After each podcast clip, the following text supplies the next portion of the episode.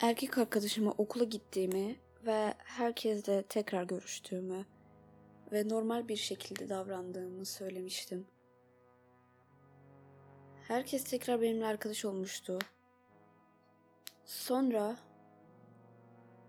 polis olan amcamın yanına gidip her şeyi anlatmıştım. Bana önce inanmamıştı. Sonra daha detaylara girdiğimizde gerçekten inanmıştı. Bana birkaç gündür annem ve babamdan hiç mesaj almadığını söylemişti. Bunların hepsini erkek arkadaşıma anlatmıştım. Daha annem ve babamın nerede olduğunu bilmiyorduk. Ve o kötü kişiyi bulacaklarını söylemişlerdi. Ve hatta beni, erkek arkadaşımı ve arkadaşımı ve ailemizi koruyacaklarını söylemişlerdi. Ve ailemi bulacaktık.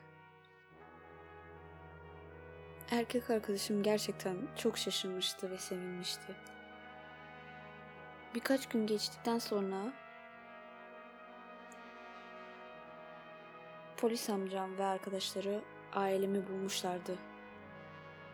Ailem gerçekten zengin bir yerde yaşıyorlardı. Ama orada zorla tutuluyorlardı. Ve buluştuğumuzda gerçekten çok sevinmiştik. Sonra özel ajanlar o kötü kişiyi bulmuşlardı.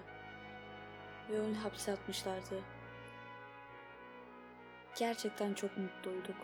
Erkek arkadaşım ben hepimiz rahattık.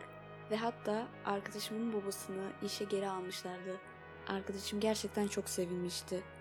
Artık hepimiz çok mutluyduk ve rahatlamıştık.